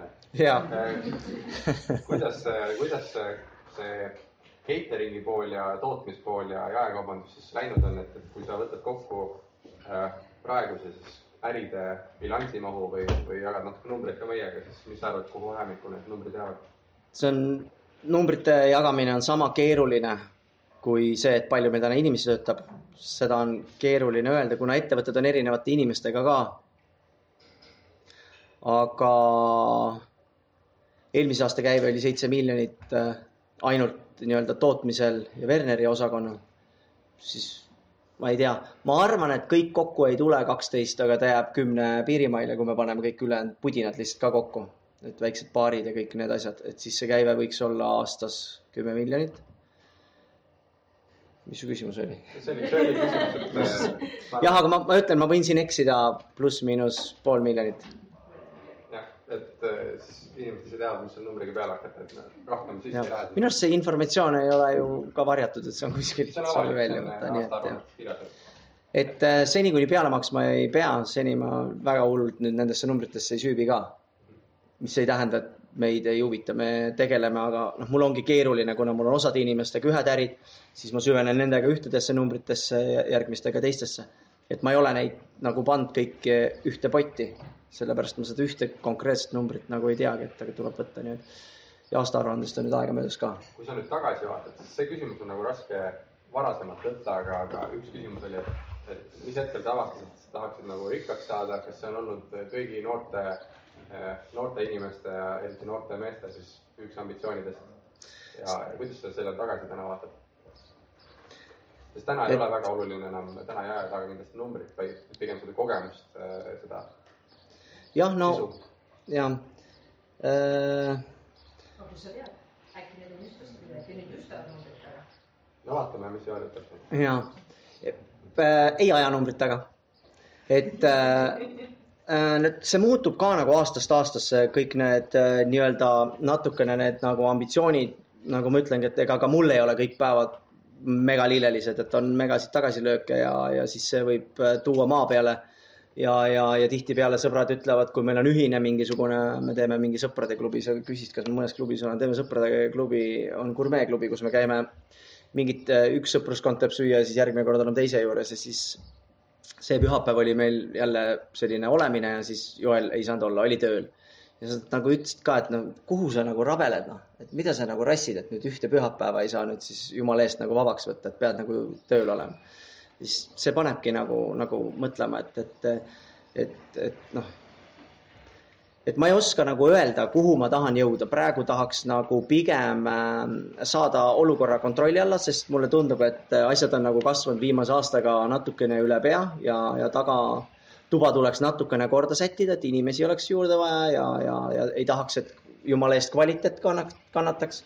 Ja, ja siis praegu näiteks mul ei ole sellist ambitsiooni, et tahaks suuremat numbrit taga, pigem oleks vaja saada asjad väga hästi kontrolli alla ja kui nad on väga hästi kontrolli all, siis ma juba tean iseennast, siis niikuinii tuleb see kuskilt see ambitsioon ja siis ma teen jälle midagi. aga ma, aga ma ei aja jah mingit numbrit taga, et, et praegu saame nipu-napu hakkama ja see on juba hästi. ja paar huvitavat küsimust, kui me autoga sõitsime siia, Spetki poolt oli see, et esimene küsimus oli Gordon Ramsay kohta mm. -hmm. kas tema on olnud sinu jaoks mingisugune eeskuju?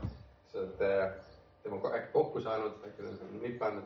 ei, Gordoniga ei ole jah veel kokku saanud. et äh, ei, lahe sell, et äh, et ma olen jälginud, loomulikult ma jälgin äh, nii Gordon Ramsayt kui Jamie Oliveri, et, et viis aastat tagasi näiteks Jamie Oliver teenis äh, mitmeid kordi rohkem kui Gordon, Gordon Ramsay. Gordon Ramsay on tõmmanud nüüd enda telesaadetega kuidagi hood äh, päris ülesse ja, ja on sisenenud ju julgelt ikkagi nii Aasia turule kui Ameerika turule mida Jamie Oliver nii tugevalt ei tee. ja, ja, ja, ja noh, Gordon Ramsay on ikkagi vist tundub, et megaambitsioonikas, sest et ta on ka maailma kõige rikkamaks kokaks tunnistatud ja maailma kõige, ta on siis, kas ta teenis kaks tuhat viisteist äkki kuuskümmend kolm miljonit daala vist oli tal puhaskasum. et äh, ja Jamie jäi sinna viieteist juurde ja, ja mingid aastad Äh, olid just vastupidi, näiteks see Jamie Oliver oli kõvasti rikkam. ma jälgin neid loomulikult ja põnev on vaadata, mida nad teevad ja millega nad ju turgu tulevad.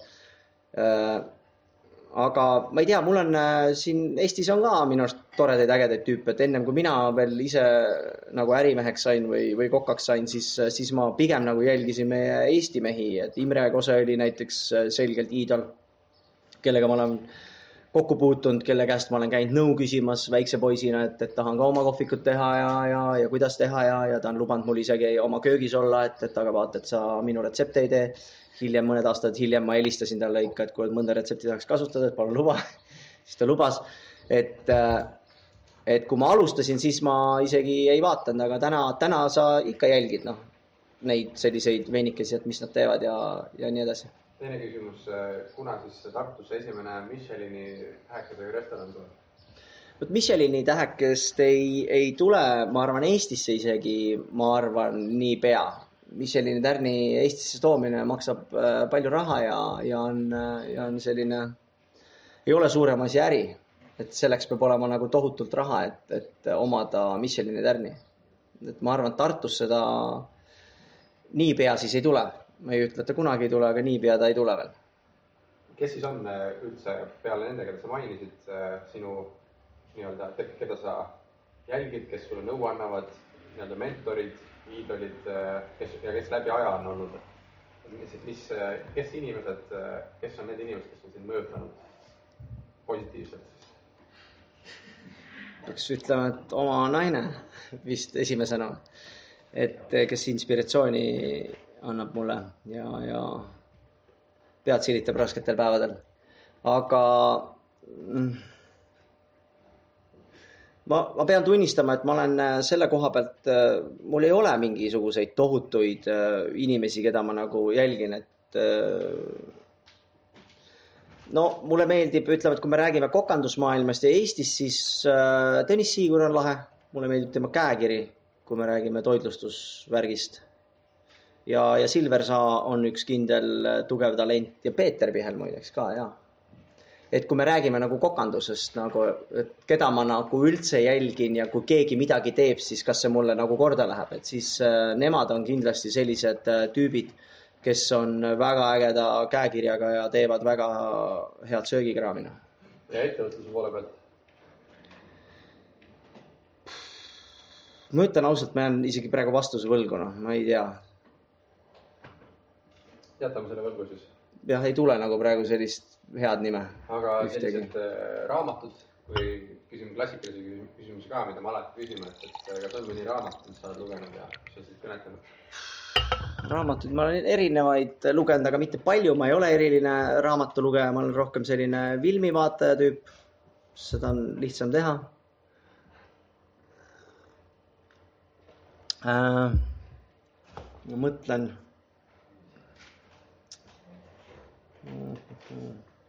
jään selle vastuse ka praegu võlgu, mul ei tule nagu praegu ühtegi sellist, äh, ma olen, ma ei tea, see ei ole äge, aga mul Mihkel Raua raamatud on mulle kõik näiteks meeldinud ja neid ma olen nagu lugenud, aga need ei ole seotud üldse töö või sellega, neid on lihtsalt lihtne lugeda ja, ja nad on kirjutatud minu arust hästi, tal on äge, ta oskab nagu sõnu väga hästi ritta seada, noh, et, et et äh, mul ei ole nagu, ma ei, ma ei, ma ei loe nagu selliseid, ma ei tea, mingisuguseid ettevõtlusalaseid äh, tohutuid äh, ettevõtlusabiraamatuid.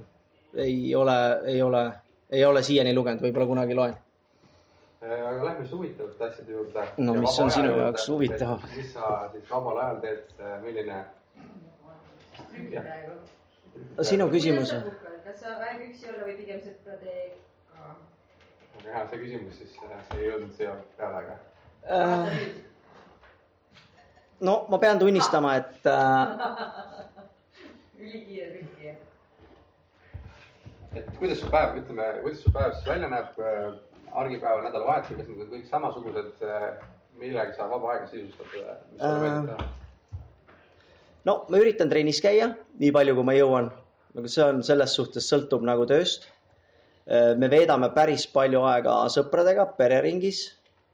minu jaoks on oluline sellise, selline eneseaeg, ma käin, äh, ma arvan, kaks kuni kolm korda kuus kindlasti massaažis. ma tegelen iseendaga selles suhtes, et, et keha oleks paigas ja et mul ei oleks kuskilt valus või ma ei tea, et pinged ei tekiks mingitesse kohtadesse. ja reisimine, et äh, reisida mul meeldib. Viimasel ajal, viimastest reisidest oli kõige, üks lahedamaid oli kindlasti Kuuba, kus siis Fidel Castro andis otsad samal ajal, kui ma seal ringi sõitsin. see oli seal sihuke leinaku aeg siis paar nädalat hiljem me käisime Tais, see oli niisugune lihtne puhkus ja siis ma käisin pikemal reisil inspiratsiooni ammutamas Lõuna-Aafrikas. et Lõuna-Aafrika on küll selline sihtpunkt, mida ma soovitan nagu kõigile, et see on nagu äh,, see on meile, eestlastele nagu, ta oleks nagu teine Eesti. et meil on sama kellaaeg, isegi sarnased inimesed äh,, jätame selle, need mustad sealt välja, kes seal kastides elavad, aga aga, aga nagu lahe ja ma ütlen, et nad on äh, tohutu, äh, tohutult arenenud, noh. et ütleme, et just kui me räägime nagu toitlustusest, siis nemad on meist ikkagi mingi sihuke viis-kümme aastat nagu eespool, et nad on kuidas nagu. Kuidas, kuidas märkad? kasvõi kõik see tase, noh, et kuidas nad ükstaspuha, mida teevad, kuidas nad restorane teevad, nende restorani kvaliteet on väga tugev, noh, nad teevad, kui nad viis aastat tagasi ütleme, et kümme aastat tagasi ei, ei tulnud veel praktiliselt äh, väga üldse näiteks veini Lõuna-Aafrikast, siis nad on viie aastaga tõusnud maailma number üks veinitootjateks ne,. Nende veinid on, alati saavad väga palju nagu punkte. kui nad korraldavad mingeid festivale, siis nad teevad neid nagu hästi. ma ei tea, nende toidulaadad on sellised, et kui sa lähed sinna lihtsalt, ma ei oska teile praegu seda öelda, lihtsalt sul jääb suu ammuli, sest nad, nad teevad kõike nagu hästi Neil on isegi käsitöö on neil väga kõrgelt arenenud, äh, disainiga tegelevad väga, väga tugevalt. ja, ja mis ongi selles riigis nagu, nagu naljakas, on see, et, et seal on viiskümmend neli miljonit elanikku. väidetavalt pidi olema rohkem, aga kuna seal tõesti elab neid kuskil kastides ja keegi ei tea, palju neid tegelikult on, siis sellest seltskonnast ainult äh, seitse miljonit on maksumaksjad. sellest seitsmest miljonist viis miljonit on valged. kas saad selle kasti asja ära rääkida? läbi, äh, et elab kastis, aga. ei no lihtsalt, et kui sa, seal on hästi palju mustasid, äh, kes on siis nii-öelda regist-, registreerimata ja kes on tegelikult riigile ohtlikud ja, ja, ja neid, need, kus nad elavad, need on nagu merekonteinerid või siis papist kokku löödud kastid.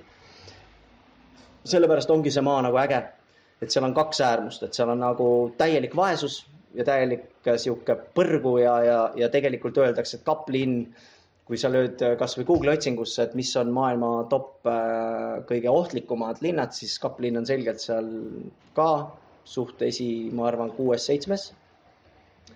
et seal elab lihtsalt, äh, nagu ma ütlesin, viiskümmend neli miljonit elanikku umbes ja, ja nendest ainult seitse on maksumaksjad, ehk siis kuskil hulgub mingi nelikümmend kuus miljonit ringi, kellest keegi ei tea mitte midagi, aga nad on olemas ja neid on palju.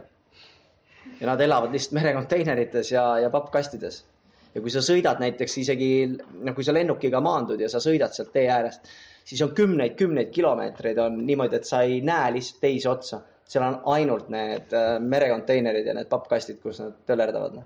millised kohad on veel äh, sellist, mis sind äh, inspireerinud on ja, ja mille, kus sa oled leidnud mõtteid näiteks restoranide jaoks ka?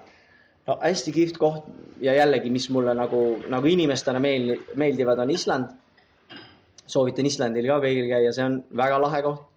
aga, aga mina suudan nagu inspiratsiooni ammutada, ma ütlen ausalt, isegi ma olen seitse korda Tais käinud ja, ja iga kord, kui ma sinna lähen, on seal ka midagi nagu ägedat, noh, et, et, et lihtsalt äh, tead, kui ma saan nagu puhata või ma saan siit ära minna, siis äh, ma arvan, et siis lähebki nagu aju ja, ja mõte hoopis teistpidi nagu tööle, et kui sa oled nagu nädal ära olnud juba ja oled saanud nagu, nagu puhata, siis, siis ei ole suurt vahet tegelikult, mis see sihtpunkt on. lihtsalt need riigid on kõik erinevad, loomulikult on seal, noh, ma võin öelda, et okei okay,, Kuubas peale tohutute koguste rummi joomise me ei teinud suurt mitte midagi, sest näiteks seal ei saa normaalselt süüa. Seal ei ole mitte ühtegi normaalset restorani. me vist leidsime ühe restorani. ja nüüd ma vaatasin, et on mingi saade, eestlased, eestlaste lipp ümber Kuuba, nad rääkisid enam-vähem sama juttu, aga nendel oli juba, nemad leidsid kaks või kolm restorani. aga tegelikult näiteks seal ei ole nagu noh, seal on päris keeruline äh, ammutada inspiratsiooni äh, toitlustuse jaoks. aga näiteks äh, väike Kuuba, see Mojito baar, noh, selle idee me saime sealt. Sellel aastal hakkab väike Kuuba sõitma ka ratastel, et me ostsime sellise Ameerika stiili nagu sellise track'i ja, ja, ja hakkab käima üritustelt üritustele ja pakkuma, pakkuma neid äh, mojitosid. et jällegi, et, et igalt poolt võib leida mingi idee ja igal pool on midagi. et lihtsalt äh, ägedamad kohad ja kui me räägime toidust ja heast veinist, siis see on kindlasti Lõuna-Aafrika, minu jaoks number üks. Island on lihtsalt äh, selline äärmuslikult tore maa ja ka väga hea toidukultuur on seal ja, ja ägedad inimesed ja, ja see maa ise on nagu inspireeriv. see loodus, mis seal on. ja kui te, selle reisimise poole pealt minna sinna tervislikkuse poole peale, siis kindlasti sa ütlesid, mainisid ka mulle, et, et seda rada sa tahad aina rohkem nagu käia ja, ja käid ka. et, et kuidas see sinu vaba aja mõttes välja näeb, mis sporti sa teed? ja siis ma, siis lähme korraks nende toitude juurde ka. et tahad tervislikumaks muuta, et kui keegi saab mind aidata, Merilin või keegi, et äh, paar seda ei olegi kedagi siin. Marlen näitab, et need äh, soolased asjad siis siiapoole tuues, vaatame need üle. aga, aga spordi mõttes ja, ja tervislikkuse. peale seda, kui noh, ma olen äh, oma elus mänginud seitse aastat jalgpalli ja saanud sealt oma selle kurikuulsa põlvevigastuse, mille operatsioon siis oli poolteist aastat tagasi. Ja, ja sisuliselt peale seda ma ei saagi ühe põlvega peale rattasõidu ja ujumise väga midagi tohutult teha et, äh, et viima-, viimane, viimane kirg, mis mul oli, oli, ma mängisin tennist. aga nüüd ma käingi ajaviiteks lihtsalt rattaga sõitmas MyFitnesse'is ja, ja kui, kui on parem päev, siis võib-olla liigutan midagi ka seal, aga, aga, aga mitte nagu tohutult, et ma püüan lihtsalt ennast hoida nagu toonuses ja, ja, ja liikuda nii palju kui võimalik. Äh, ja, ja selle tervisliku suuna ka, et ma olen ikkagi kolmkümmend viis ja ma olen söönud nagu ikkagi kõike ja joonud kõike ja tarbinud kõike, et nüüd on selline tunne mul kuskil alateadvuses, et nüüd võiks nagu tervislikumalt äh, jätkata oma seda, seda järgmist kolmkümmend viite.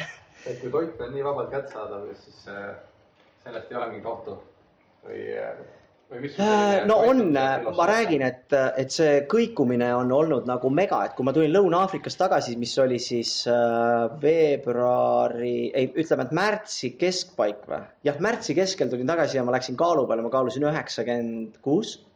ja ma käisin täna kaalu peal, ma kaalusin kaheksakümmend kuus, ma olen kümme kilo selle ajaga alla võtnud.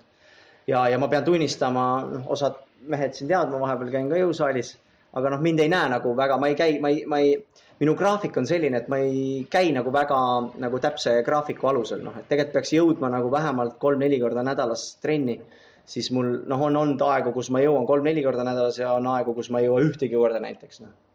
ja siis on toitumine. toitumine teeb selle selles suhtes lihtsamaks, et kui sa trenni ei jõua, siis ma olen teinud iseendaga nagu sellise nagu kokkuleppe, et kui ma käin trennis, siis ma patustan rohkem ja söön nagu selles suhtes nagu julgemalt ja kui ma ei jõua trenni, siis ma tegelengi toitumisega, et ma jälgin nagu, mida ma söön. ja, ja loomulikult, äh, kui sa ise tegeled sellega, siis see kajastub ka sinu, sinu toitudes, et. Äh, tahtsin küsida, et kuidas siis aitad äh, teistel. ma pean tunnistama, et vaata, siin ei ole meie viimaseid tooteid, et või võtsin viimasel minutil tootmisest kaasa need tooted, mis mul sealt näppu jäid et kõige viimasem ja kõige ägedam projekt on mul tegelikult R-kioskiga kus äh, R-kioskiga tegime siis sellise diili, et, et äh, ma enda tootmisest teen neile private label, label'it. et nad müüvad äh, ka minu nii-öelda suitsuliha vormirooga näiteks ja neid Aasia toite ja pastat.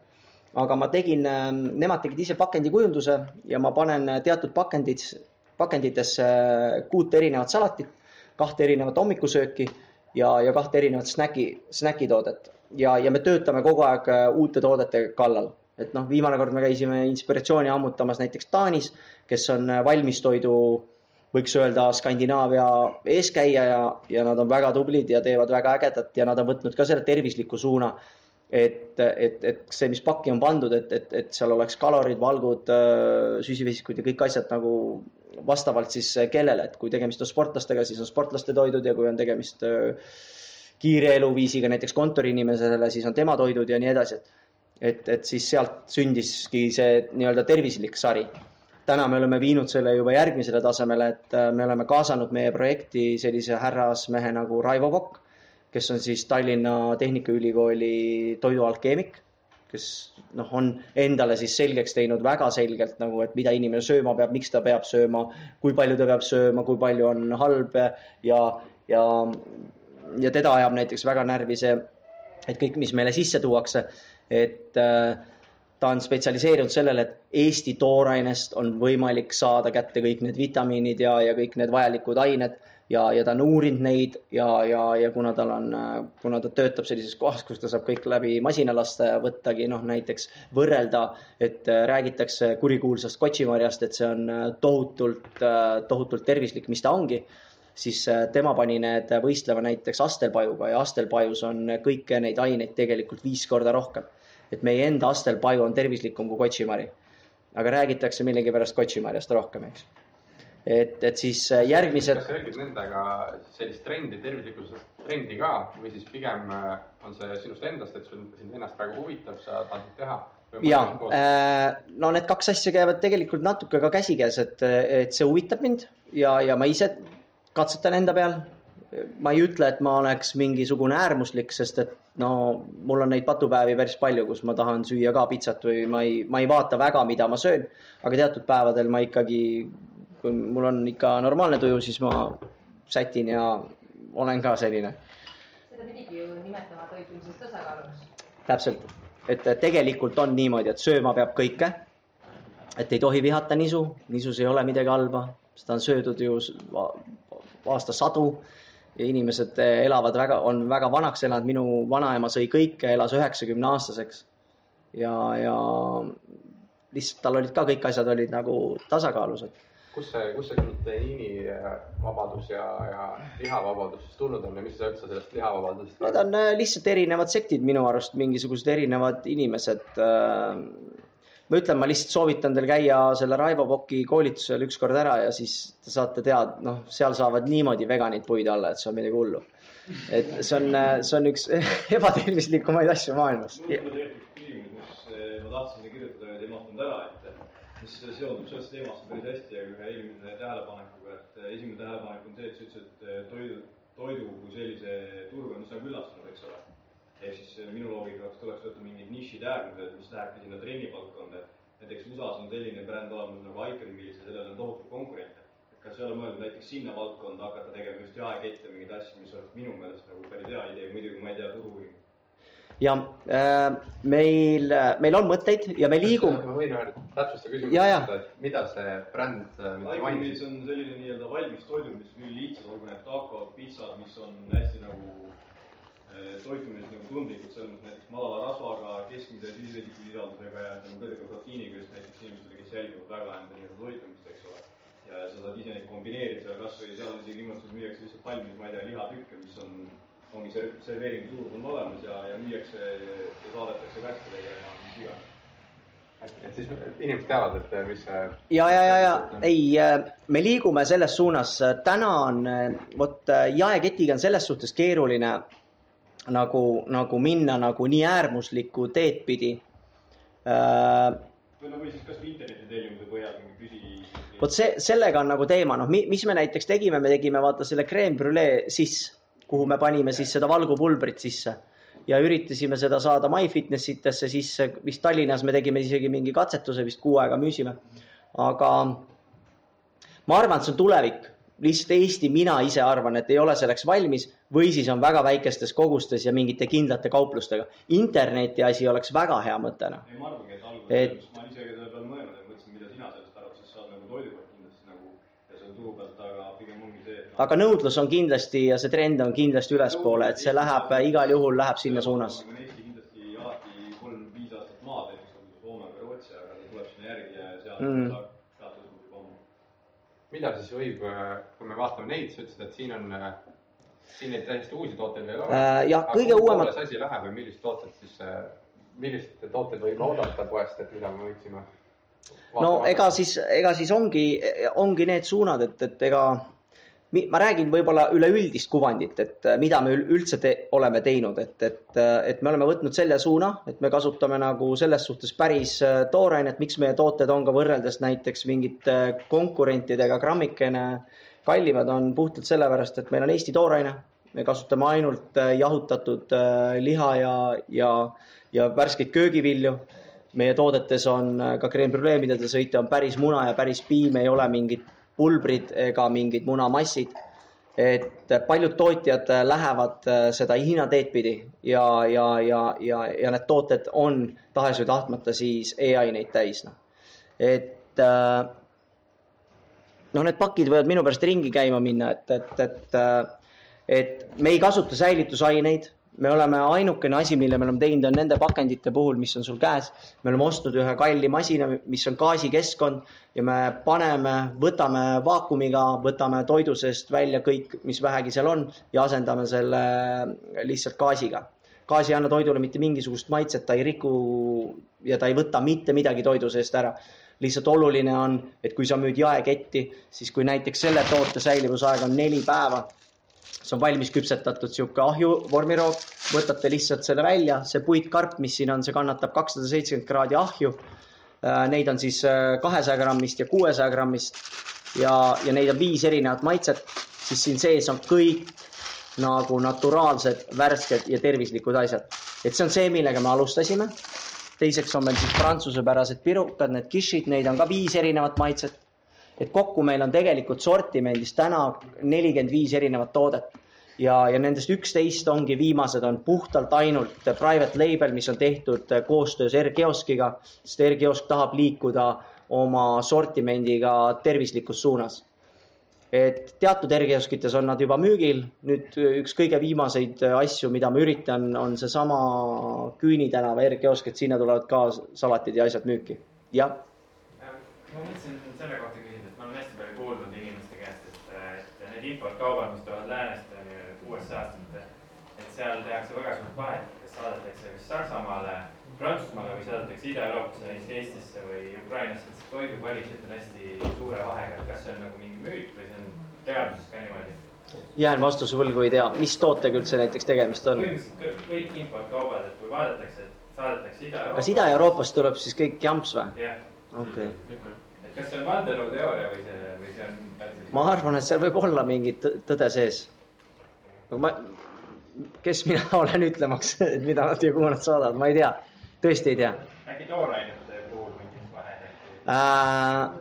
no on, ütleme niimoodi, et näiteks kui ma ostan liha, siis me saame läbi ühe Saksa firma näiteks paremat veiseliha ja paremat kraami, kui me ostame siit kohapealsetest, kohapealsetelt tegijatelt. tegelikult on selles siis mingi tõde, noh vähemalt üks firma on, kes hakkas nüüd, ma ei kujuta ette, tema siis ostab Uruguayst ja, ja Hispaaniast, Argentiinast igalt poolt kokku kvaliteetset angusliha näiteks või siis mingisugust, ma ei tea, maisikana, mida iganes. siis äh, kui me ostame seda siit Eestist, siis me ei saa selle kvaliteediga kui selle Saksa firma käest, jah. no selle hinnavahe on ka nagu mingi kolmkümmend kuni viiskümmend protsenti kallim, noh. ta on ikka kallis-kallis, aga no liha sulab ka suus, tõesti on hea. aga jällegi tooda Eestisse kas meil on klienti, kellele seda maha müüa. et noh, siin võib olla jällegi see oht, mis on toitlustuses üks kõige suurem ja kõige tänu tä,, ütleme, et kõige keerulisem asi on see, et, et äh, me võime hea kraami kokku osta, aga vot tooraine list läheb nii kiiresti käest ära. ja, ja see on ainult ettevõtja nagu, nagu nii-öelda kulu, et seda ei maksa meil keegi kinni, noh ma võtaks siit äh, publikust, kui kellelgi on spetsiifilisi küsimusi veel mingite valdkondade kohta, siis kaks-kolm küsimust võtame sisse ja, ja siis tegelikult äh, mul on viimane küsimus veel. mul on küll üks. Marlinil üks küsimus kõva häälega. mul huvitab selline küsimus, et sa mainisid reisimist ja, ja inspiratsiooni ammutamist äh,. ma nagu sihin sind väga konkreetselt, kas sulle meeldib pigem üksi või sõpradega reisida ja nagu, kas sa siis nagu jagad neid kuidagi, et lähen nüüd seekord lihtsalt, ma ei tea, pead puhastama ja, ja vaatangi New Yorgis kõik üle, mis tehtud on või mm -hmm. järgmine hetk lihtsalt nagu oleme Kuubal ja kamba, kambaga koos ja chillime rohkem, et või, või või kuidas sa seda nagu omavahel nagu jagad, et? see on tava, nojah, need on natukene erinevad reisid, et kuidas see juhtub, et sihuke üks-kaks reisi on tavaliselt meil, me ise kutsume neid poistereisideks, kus naisi kaasa ei võeta, siis seal väga inspiratsiooni ei ammutata selgelt.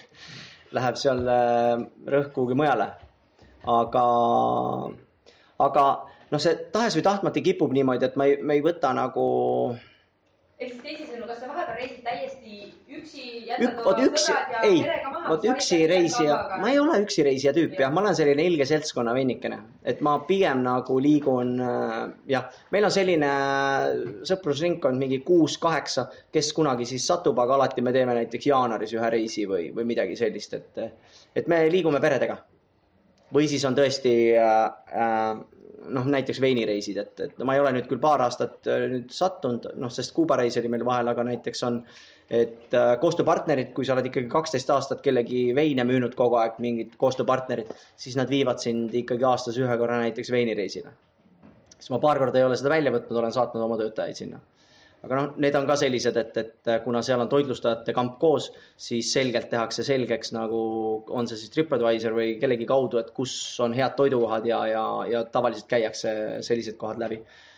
et äh, see toit tuleb tahes või tahtmata alati ikkagi kaasa, et ükskõik, kus sa oled, sa otsid ikkagi üles selle ka, et noh, et ei ole selline, nagu kiirtoidukohtades väga ei käi, et ikkagi pigem otsin nagu, kust mida saaks, noh kas siis vastab üks või midagi head? mul on üks huviküsimus veel, et kas ei ole seal lapsi ka muidugi, te ütlesite, et te liigute peredega, et kui sa töötad nii hullu palju, et jah, ei ole.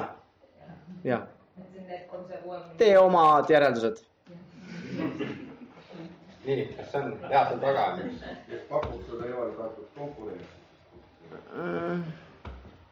konkurentsi no. küsimus, siis ma ütlen igaks juhuks mikrofoni jaoks, et, et kes pakub Tartus kon konkurentsi et, et võib-olla ei olnud kuulda. Äh, kõik äh, toitlustajad on omavahel väikest viisi ikkagi konkurendid, et äh, ma arvan, et minu jaoks on viimased hotellid, mis on avatud, on suuremad konkurendid, sest et hotellide puhul on see pluss, et pluss, nad saavad endale paremat ja kallimat tööjõudu osta ja, ja hotellid on lõpuks ära tabanud selle, et ainult hea hotell et sellest ei piisa, et seal kõrval peab olema väga hea restoran. et nüüd nad on lõpuks seda nagu aru saanud. hotellide pluss on see, et, et nad saavad osta endale nagu äh, rohkem inimesi näiteks kööki ja, ja rohkem inimesi ja paremate inimestega nad saavad pakkuda paremat kvaliteeti äh,. noh, hotellidel on lihtsalt see käive tuleb tubade arvelt ja, ja, ja neil on üks pluss veel, nemad maksavad äh, üheksa protsenti käibekat, kui toitlustajad maksavad kakskümmend. et seal on väike puhver ka et sellepärast nad on tegelikult, mina julgen öelda, tugevad konkurendid. Ja viimased hotellid, mis on ehitatud, Veespa, väga hea restoran, minu enda peakokk Mihkel läks sinna, tõsine talent. Äh, viim-, noh, siis on see Lydia, restoran Hõlm, väga, väga hea restoran, ühtegi halba sõna ei saa öelda, kindlasti konkurent.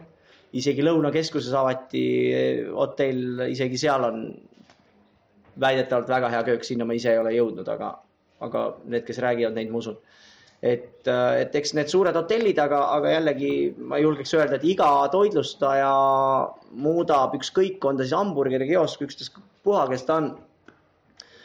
linnas liigub äh, teatud arv ju suid, kes söövad päevas, et, et äh, kas ta siis täna ohverdab ja sööb burgerit või ta läheb, sööb korralikus restoranis. iga avatud restoran muudab selle supi niikuinii siin lahjemaks, et kõik nad on konkurendid, ega siin ei saa välistada kedagi ühe küsimuse võtame veel, äh, kas on küsimusi sealtpoolt? väga hea, siis võtan minu küsimuse veel. Äh, minu küsimus on selline, et, äh, et nüüd oleme rääkinud siin üle tunni aja kõigest ja maast ja ilmast algusest lõpuni. küsimus selline, et mida soovitaksid siinsele kuulajale, kes, kes on, kes käib siis see on ettevõtlusvormis küsimus, et, et kes mõtleb ettevõtjaks saamise peale, äh, ükstapuha mis valdkonnas, võib-olla isegi rohkem mm -hmm. toiduvaldkonnas, et, et mis see samm on, mida tegema peaks või mis, milline see mõtteviis peaks olema, et, et, et ettevõtjaks nii-öelda saada siis mm? -hmm. või kas, kas on üldse mingit sammu või seal peab olema, peab olema see geen? ma arvan, et see geen võiks vähemalt olemas olla ka, aga ma arvan, et palju on nagu julguse taga ka kinni, et mul on paar väga head sõpra, kes on minu arust väga andekad ja, ja nad võiks ammu juba midagi teha. aga nad, nad ei tee seda nagu seda sammu ära, et, et ma ei oska nagu öelda, et milles selle asi on, kas jääb julguse taha. ma arvan, et see jääb julguse taha, sest äh, ükskõik, mis ettevõtlusega on tegemist, mitte ükski ettevõtmine ei ole sada protsenti garanteeritud ju superhea tulemusega. muidu teeksime me kõik seda, noh. ei ole olemas ju sellist äri, et, et ma teen selle ja nüüd on, nüüd on hästi no et ma arvan, et iga, iga äriga kaasneb risk ja, ja, ja, ja see vana hea ütlus, kes ei riski, see šampust ei joo. et eks tulebki riskida ja, ja julgust on vaja, noh, et ega ja, ja, ja mina muidugi soovitan alati, et, et, et, et tehke sellist ettevõtlust, milles te olete nagu head. siis te müüte oma teenust. ma ei hakanud juuksuriks näiteks või ma ei teinud lõpuks seda aut-, autopesulat et, et võib-olla jumal tänatud, et ei teinud. mõtle, kui oleks teinud, istuks praegu seal oma autot pes-, pestes üksinda äh, jah, siinkohal siis, kas, kas sa oled mõelnud selle peale, et mis on see, kes see riski šampust joo, et mis see risk siis on sinu jaoks, kas sa oled mõelnud selle peale, et kui sa nüüd teed selle sammu näiteks mm -hmm. palgadega lõpetad ära, alustad ettevõtlust ja mis see risk on siis? Ei noh, risk on äh, alati lõpetada ikkagi ju pankrotis, ma ise kujutan ette, mis see muu risk ikka on. aga ma kujutan ette, et kui inimene paneb mängu kõik, mis tal on, kõik oma oskused ja kõik asjad, siis äh, ma arvan, et see asi läheb lihtsalt käima, noh. kui ta teeb seda nagu sa-, sada protsenti pühendatult ja, ja ta teab, mida ta teeb ja, ja, ja ja ta on selles nagu ise kindel, noh. aga ta peab seda ise tundma ka, noh. Võib-olla loomulikult, noh, ma ei tea, mina sain äh, tuge näiteks Tartu ärinõuandest, kellelgi on, äh, teie käite siin koos, te olete kõik ju targad, ägedad inimesed, noh. ma arvan, et nõu küsida, suhelda, ma arvan, et see kõik, see kõik aitab, noh aga eks see enesekindlus peab ka olema ja, ja sa pead nagu noh, see julgust peab ka olema muidugi. väga hea, aga siinkohal suur aplaus. jah, äh, aitäh.